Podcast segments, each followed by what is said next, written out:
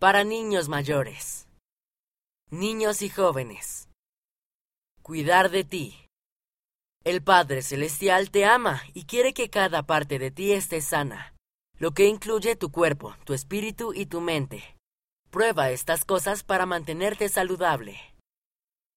Aspecto espiritual. Lee las escrituras y ora cada día. Escucha canciones de la primaria u otra música edificante. Menciona cinco cosas por las que estás agradecido. Aspecto social. Invita a alguien a realizar alguna actividad contigo.